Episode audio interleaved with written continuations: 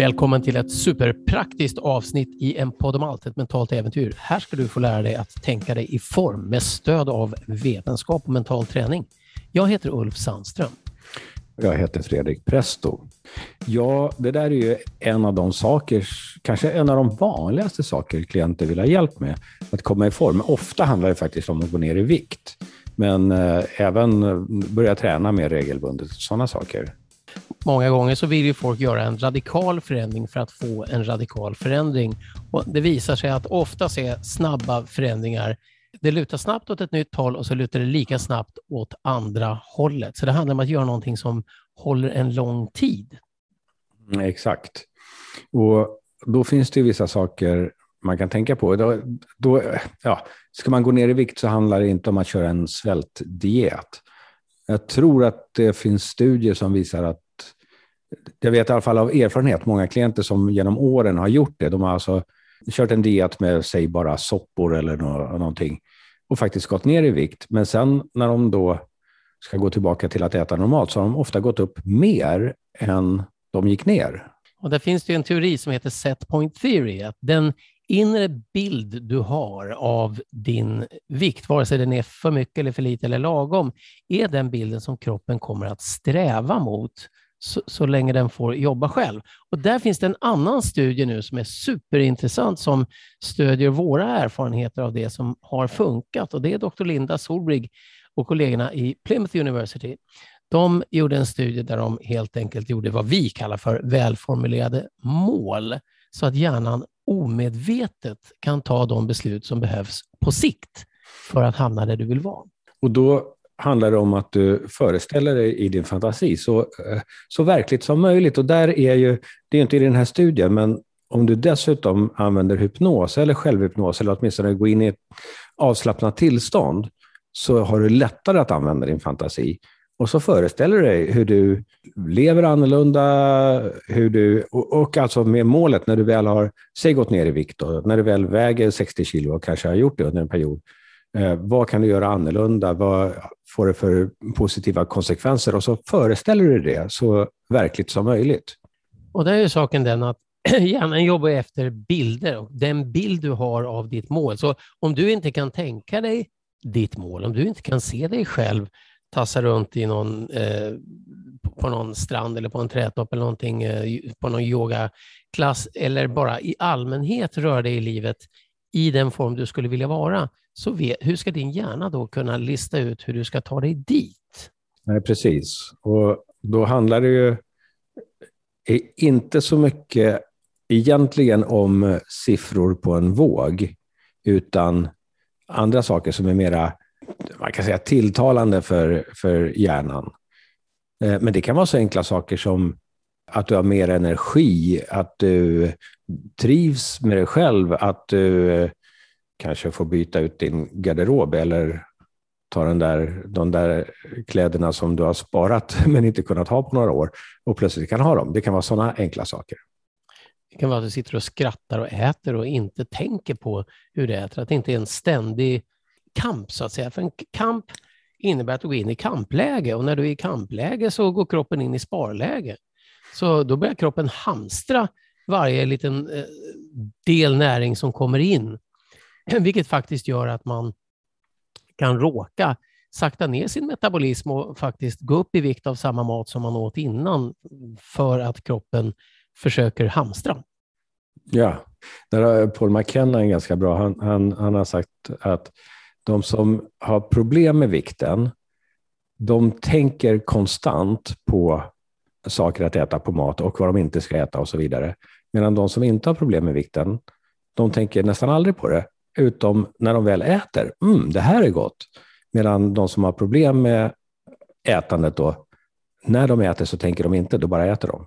Och Det är samma sak med träning. Det, om du går runt konstant med dåligt samvete för att du inte har hunnit träna, men då producerar du stresshormoner och det är det sämsta mm. du kan producera i läget. Om du däremot så tar en trappa till eller skuttar upp för en, en kulle och äter lunch på en restaurang högst upp någonstans på ett berg, så kommer du att istället utsöndra belöningshormoner och minska stressen, vilket är bra för metabolismen. Så att dina tankar påverkar kroppen, kroppen påverkar tankarna.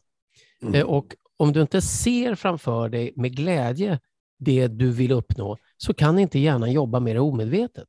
Sen finns det också en studie just om du vill ha en positiv vana som till exempel tränare. Jag tror det finns flera studier nu, men det var, jag tror att det var Nike, alltså de som tillverkar skorna, som gjorde det.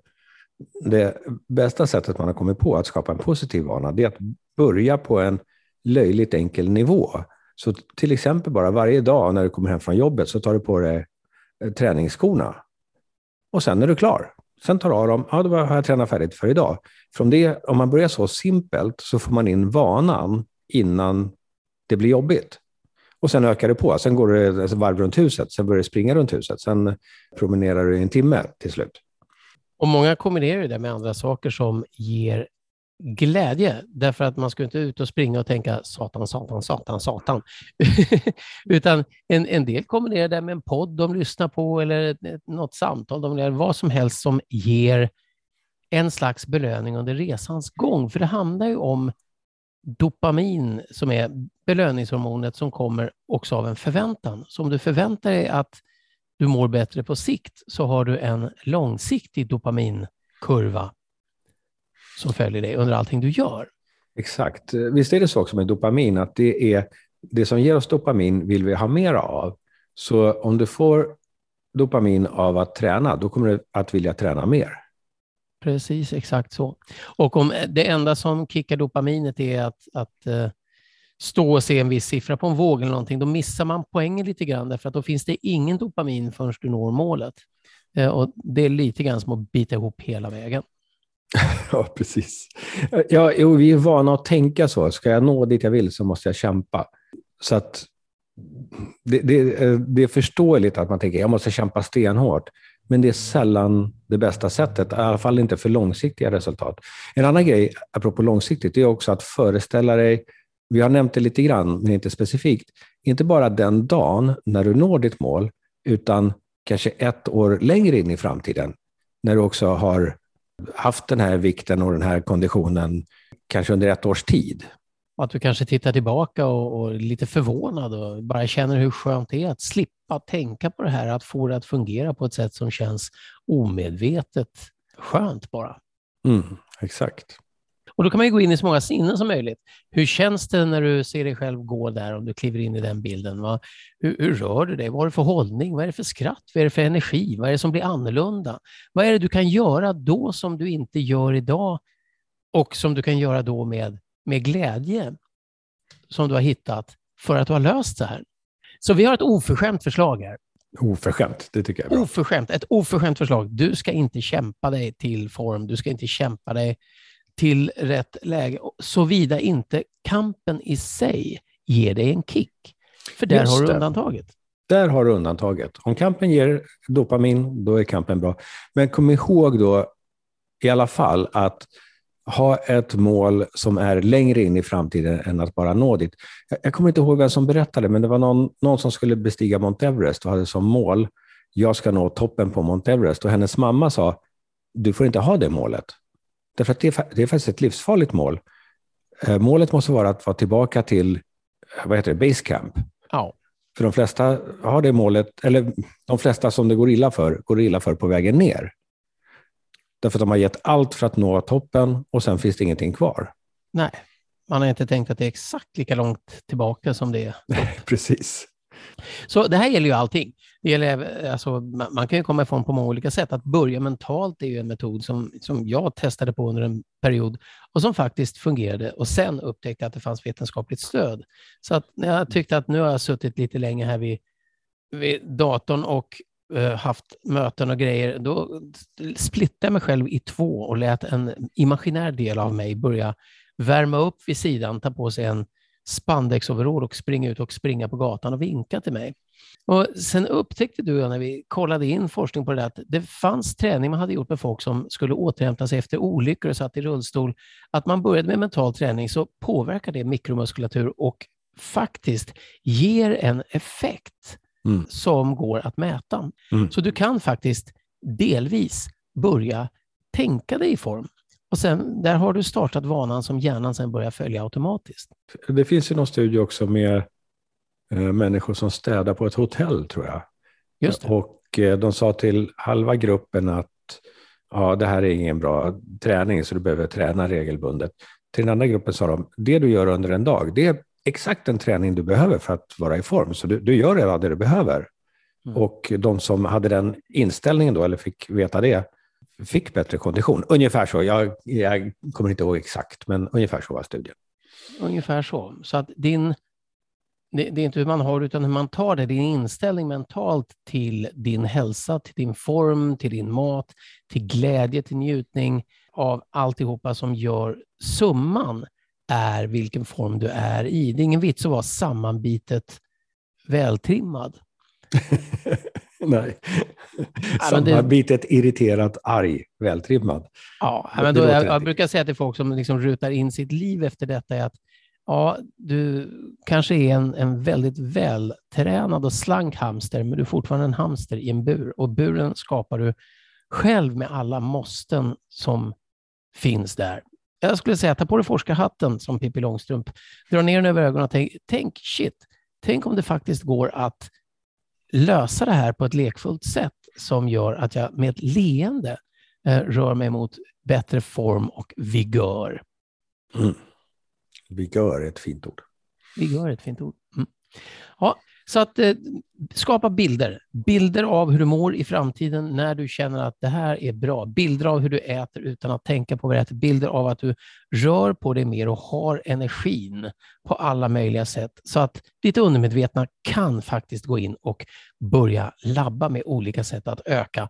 Två steg till, lite mer energi, en trappa till, ett salladsblad mer, någon liten halv bakelse istället för en hel. För om man avstår från allt som gör livet värt att leva så har man faktiskt avstått från allt som är livet värt att leva. Det är en enkel ja. sanning, brukar min mormor säga. ja, din mormor har sagt mycket bra. Nej, men det är helt riktigt. Det, det handlar ju, det, det, om man vill gå ner i vikt så handlar det om att, eller komma i form, så handlar det om att må bra. Så varför inte må bra på vägen? Ja, eller som tomten sa, rund är också en form. ja. Ja, men kom ihåg det, att din setpoint, alltså tänk på att leverera dig själv en bild och ett mål där du vill vara, istället för att du hela tiden springer från en bild där du inte vill vara. Mm. Ja, men det är väl en bra sammanfattning. Återigen då, det vi kallar för tillmål. Just det. Fokusera på dit du vill snarare än det du vill undvika. Exakt. Så dra på dopaminet, hitta glädjen och njutningen och faktiskt se till att ha lite kul. Ja. Ja. Du har just lyssnat på en podd om allt med mig, Fredrik Presto och Ulf Sandström. Vi är mentala tränare som arbetar med hypnos och NLP som ofta ger omedelbara resultat genom att involvera ditt undermedvetna i din utveckling. En sammanfattning av allt vi talar om hittar du i vår bok Unpack your existence som finns fysiskt och som ljudbok där böcker säljs. Gå med en gång i månaden och upplev live workshop via unpackyourexistence.com. Det är fritt, det är öppet, det är härligt. Kom igen! Och om du tycker det här var intressant så får du gärna dela och gilla det här avsnittet. Yeah.